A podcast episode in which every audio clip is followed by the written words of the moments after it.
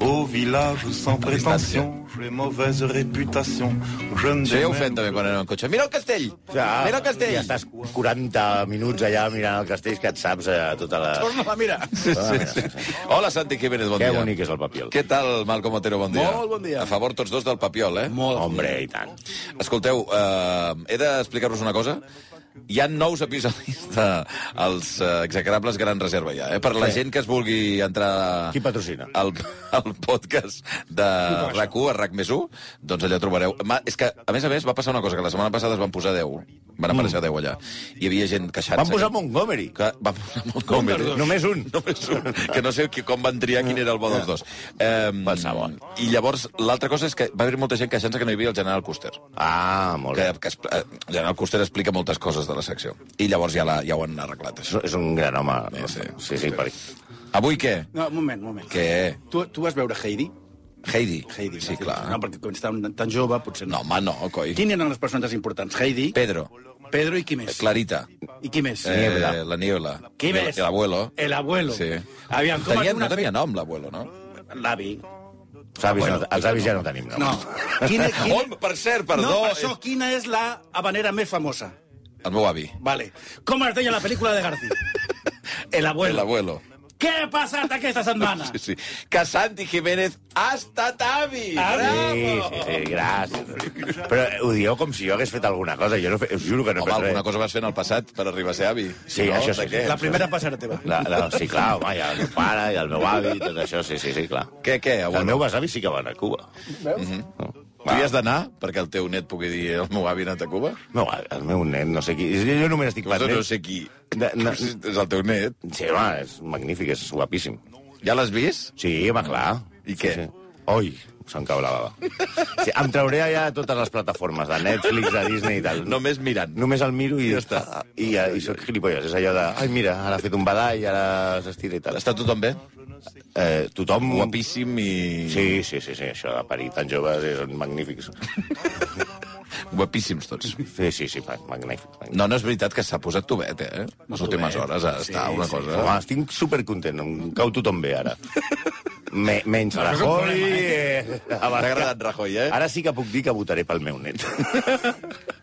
Bueno, va, què hem de fer?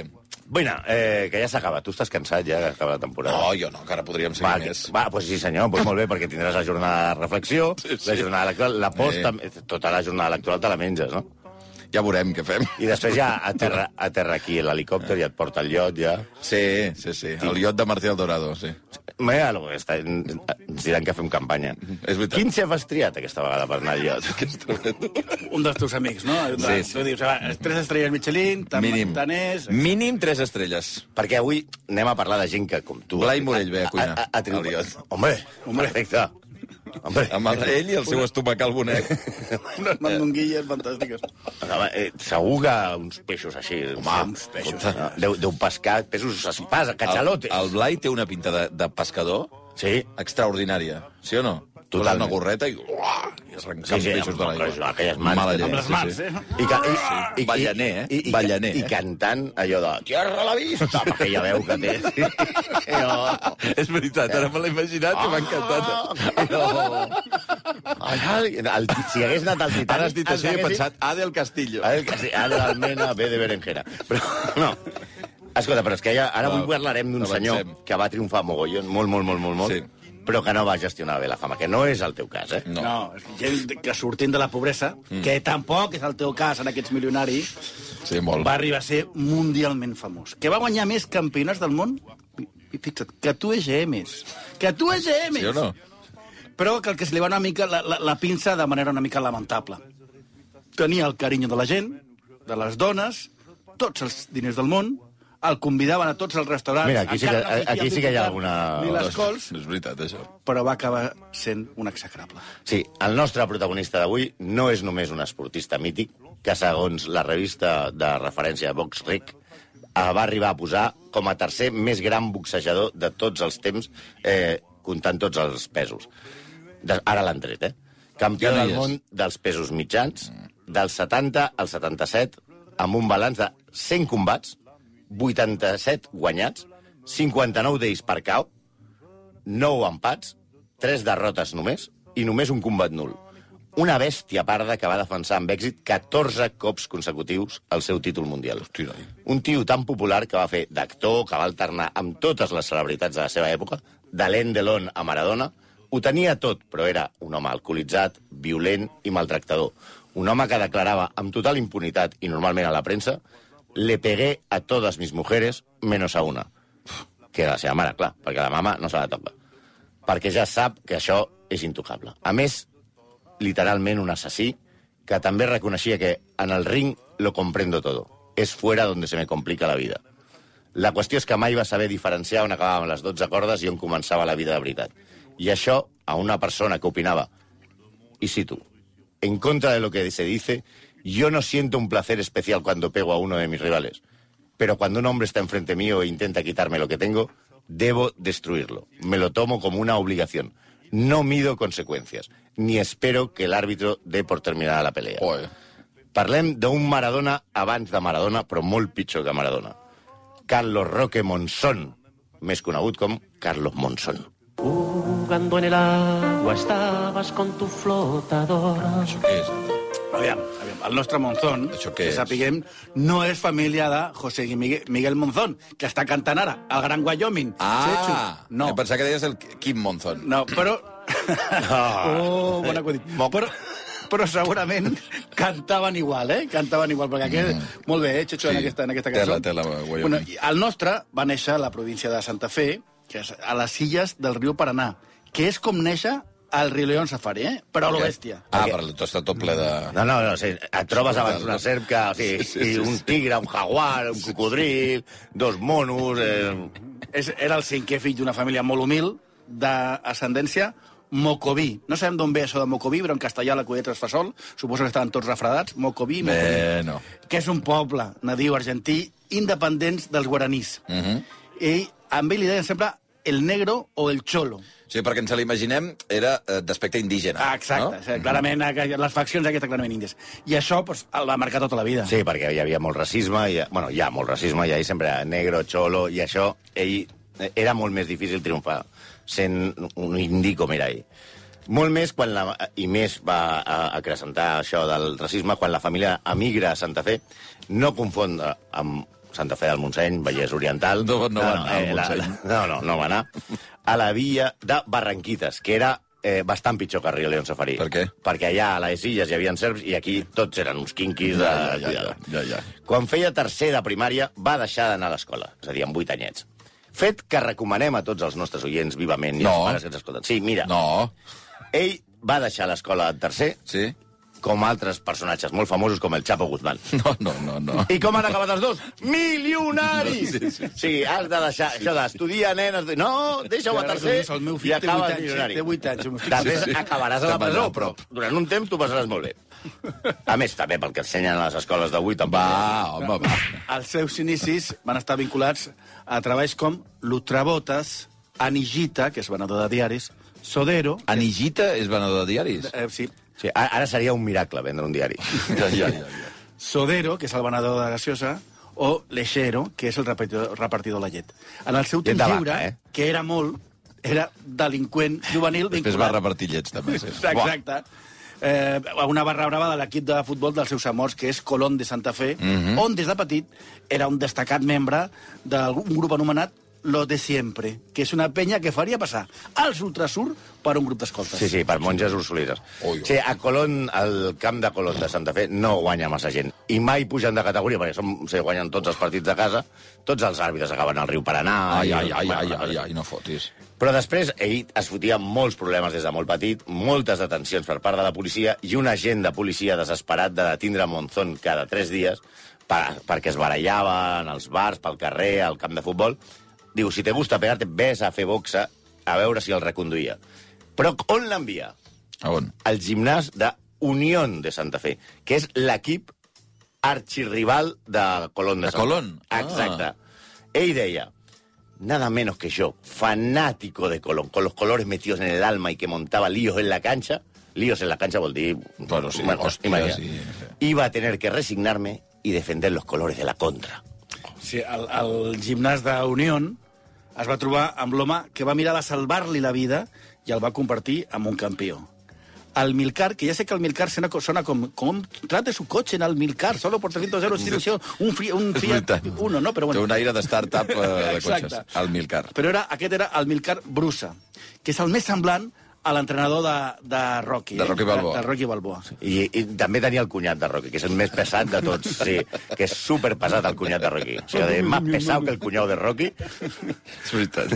No, el, No sé el, com Rocky no li va fotre un, una pinya. No, és normal. O sigui, tio, gen- aquell, el, sí, aquell sí que inicia la, el, mit, el, el misticisme del cunyat. El cunyat és ell. Sí, sí, clar. no, el, el Bruce aquest, el- l'entrenador, Monzón, el recorda dient eh, no se pueden contar las veces que Brusa me salvó de la cana, la cana es la policía, Sí. por cosas de muchachos. Cosas de muchacho, que Cosas a alguien... No, pues, Ni cuántas veces me prestó guita, Calés, ni cuántas veces se metió en mi casa a aplacar los ánimos. Ànimos d'aquí, de la, A aplacar los ánimos és un eufemisme, que és que quan ar- ella arribava borratxo, que va ser un alcohòlic molt... molt o sigui, vivia, bevia això, vino peleón a totes hores, i, i pagava la seva dona. Pues quan arribava ell... Ah, pues li això, aplacava los Aplacar ànims. los dir, no cal deixa, deixa, de, pe- deixa de pagar la teva dona. Sí, los ánimos. Para vos, Carlos Monzón, Oh, valiente santafesino, hosti. yo te canto el homenaje de todo el pueblo argentino. Macho lindo corazón, Macho lindo. guapesa. Clar, clar, és que eh, suposo que aquesta cançó també està feta en un moment en què és a figura absolutament mundial. Però no us imagineu Ok. com era de figura. Molt famós, no? Era, era Maradona abans que Maradona. I repartir això de bufa se li donava de cine. Tot i que quan ell va començar a boxejar, la gent se'n fotia d'ell perquè era molt torpe, era... Mm. -hmm. A part que el tio, com també el seu pare l'havia pagat sempre, no tenia por de res. Ell, a la seva carrera com a boxejador, és meteòrica. Tot i que tenia un problema molt greu. A veure, a causa de la seva mala nutrició, quan era nen, perquè de veritat va passar molta gana, patia raquitisme i els ossos no els tenia bé. Ah. I a cada combat acabava amb les mans fetes pols. I lluitava sempre infiltrat per no no- notar el mal que es feia. Ell, quan donava unes hòsties, donava unes hòsties com un mulo, però es trencava els dits i es trencava Oi, eh, oi. eh, Ah, la mà. agònia. I aleshores, eh, eh, deien d'ell ja sempre que pegava, pega com un mulo. Eh, aleshores, l'any 60 es proclama campió d'Argentina derrotant en el Luna Park a Jorge Fernández, el Torito de Pompeya. Un dia hem de fer un programa especial De què? de noms de boxejadors argentins, perquè és un tema que dona per molt. Perquè el Monzón, què, què, era? Qui era? Escopeta. Escopeta. Escopeta. Sí. Sí, a, a Ringo Bonavena li deien Ringo. A Loque, el intocable. Pascual Pérez era el león mendocino. El León. Firpo era el toro de las pampas. Juan Domingo Roldán era martillo Roldán. Oh, Martillo, m'agrada molt. Jorge Castro tenia dos. Locomotora, que això devia ser quan guanyava, i el Ronya, que devia ser quan perdia. El Ronya. I Víctor Galíndez, que aquest és el més favorit meu, diu el leopardo de Morón. Sí, a Espanya només tenim el nivell Dum Dum Pacheco, eh? Dum Dum Pacheco. és brillant, Dum Dum Pacheco. Sí, el Potro de Vallecas i Dum Dum Pacheco.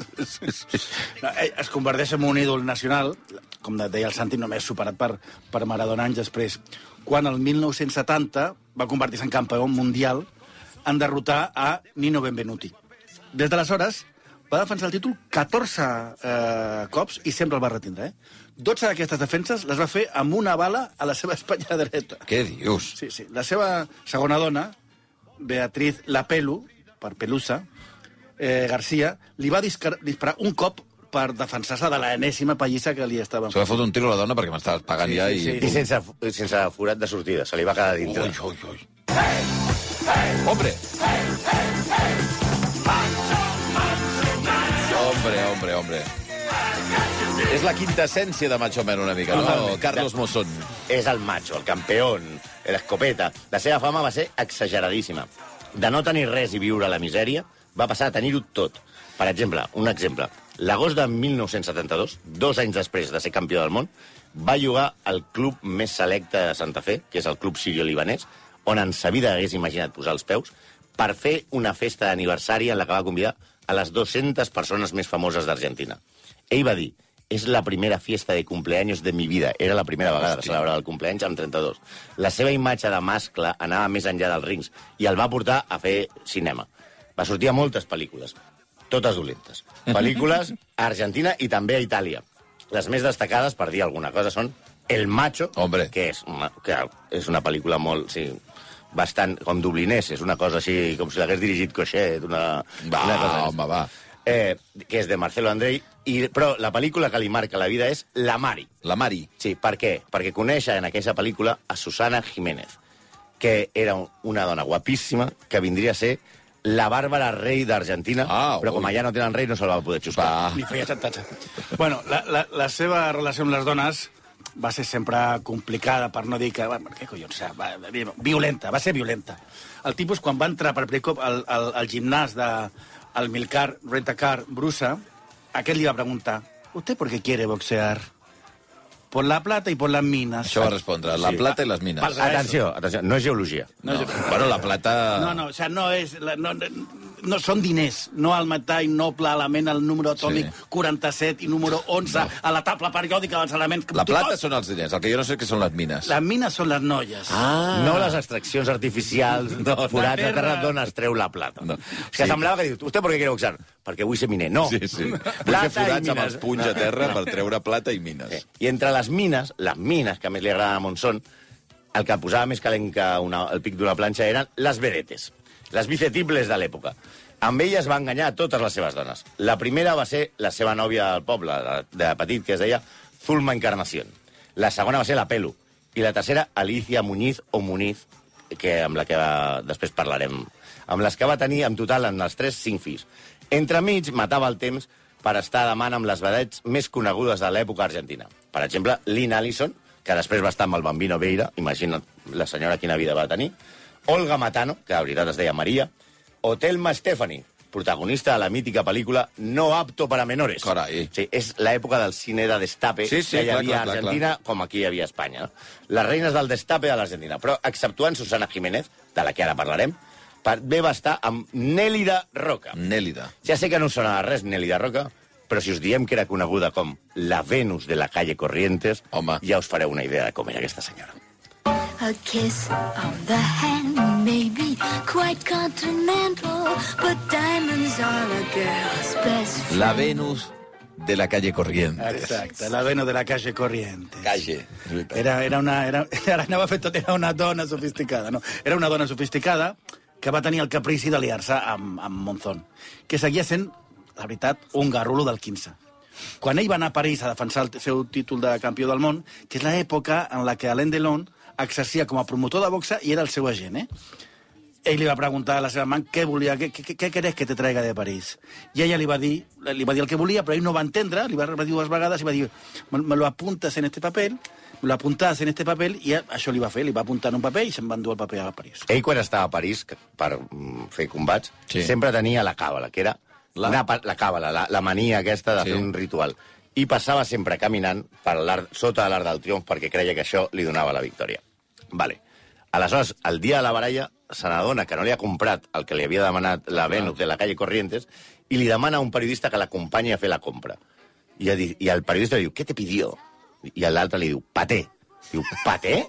En el papel pone paté. Y digo, ¿paté? ¿Pero paté de qué? Porque hay paté de campaña, paté de pimienta, paté de no sé qué. Estamos en Francia. Y ella digo, a ver, dame el papel. Y le dona el papel. Y le digo, negro, esto no es paté, es un patec, Philip. Un patec. un reloj que te va costar una fortuna. Ell va anar, el va portar a la plaça Vendôme, a la botiga de Patec Philip, i li va demanar el rellotge. El rellotge en qüestió costava 8.500 dòlars, mm. que he fet la, el càlcul, i el canvi serien uns 45.000 euros actuals. Hosti, déu Sí. Millor haver-li portat una mica de foie gras. Una mica de foie. I ja- Imagines el retorn amb una llauna de foie gras? Bueno, aquella època a Argentina no hi havia targetes de crèdit. Hosti. I ell, clar, no portava els diners. a Efectiu, sobre. no. Exacte.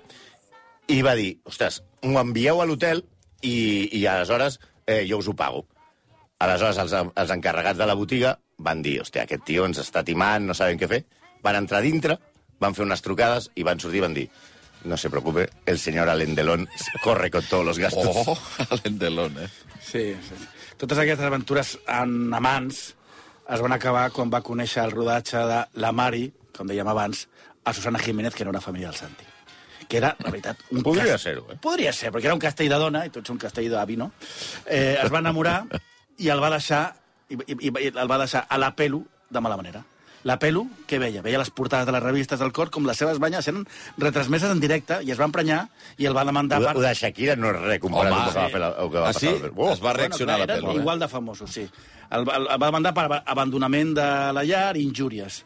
Va demanar l'embargament de tots els seus béns. Òbviament, com dèiem ara, eren, eren, eren com dèieu, Shakira i Piqué o Sí, perquè Giselle Bundchen o Tom Brady. era l'esportista més important Clar. i ella l'actriu més I coneguda. ella l'antiu més Ah, coneguda. home.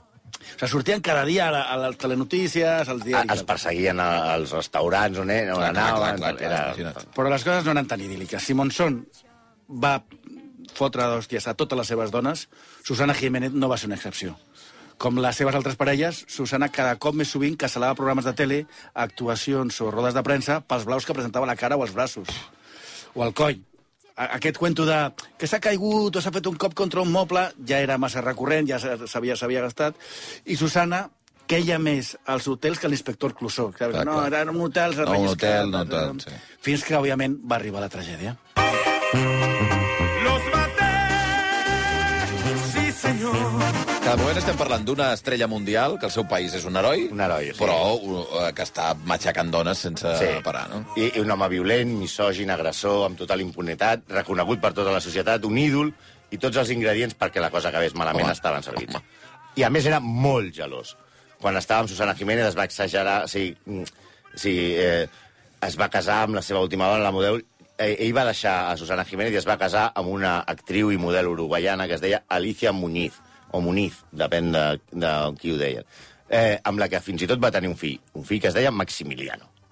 Sí, la va conèixer l'any 78, eh, quan anaven la Susana a veure revistes. Susana Jiménez s'havia retirat dels teatres i era presentadora de televisió, i Alicia era la noma reina del destape, mm. -hmm. en aquells moments. Es van casar el 1981 i el 88 la va matar després de Què dius? Després de pallissar-la, sí. Va matar la seva dona? Sí. A cops de puny. Eh, ja veuràs. Ja. El, el seu judici... Eh, és vuelo sin motor. El seu judici només pot ser comparable, si, si, si fem una mica de memòria, al de O.J. Simpson. Eh? Màxima estrella del país, en perdó de Maradona, el màxim, el, la màxima estrella del país era acusada d'assassinat. Els fets van ser els següents. A causa dels maltractaments de Monzón a Alicia, aquests ja vivien separats, però no divorciats, i tenien un fill. Ella era a Uruguai i el fill que tenien en comú, de 4 anys, es va quedar a passar l'estiu amb el seu pare. Al febrer a Argentina és l'estiu. Monzón va llogar un luxós xalet a Mar, a Mar del Plata, propietat del famós actor Adrián el Fatxa Martel.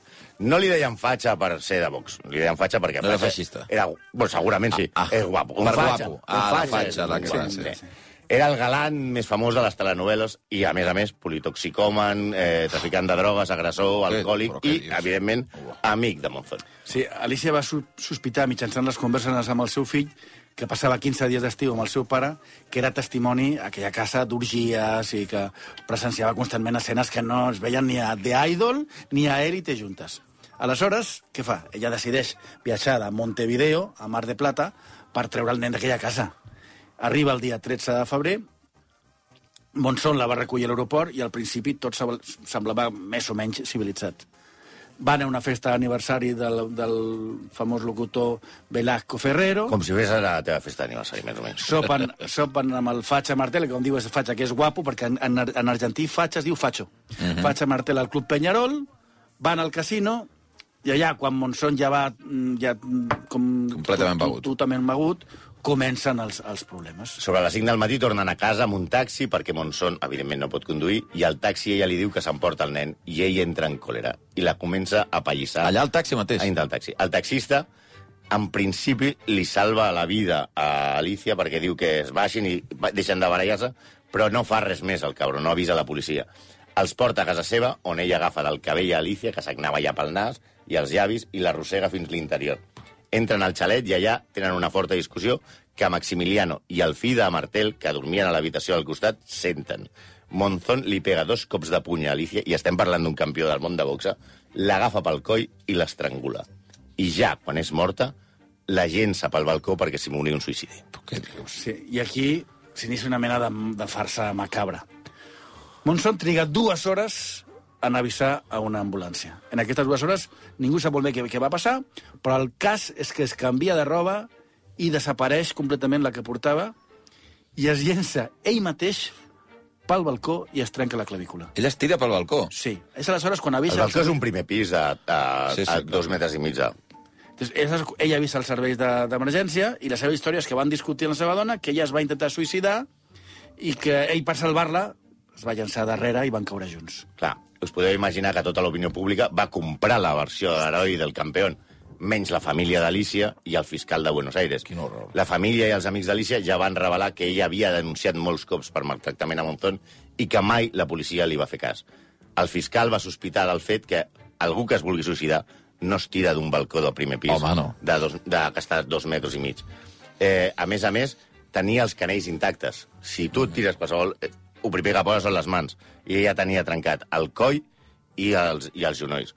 Per moltes ganes de matar-te que tinguis, sempre poses les mans. La sospita és que ja estava morta quan la van llançar pel balcó. Sí, el tema de que mai aparegués la roba de Monzón i que en el registre posterior es, trobé, es trobés enterrada al jardí una bàscula de pressió per passar grams, ejem, i que hi hagués un rastre de sang que anava des d'on es va aturar el taxi fins a la porta de la casa, home, doncs també feia una mica sospitar, no calia ser fent inspector Clusó. La primera autòpsia a Alicia va ser un desori.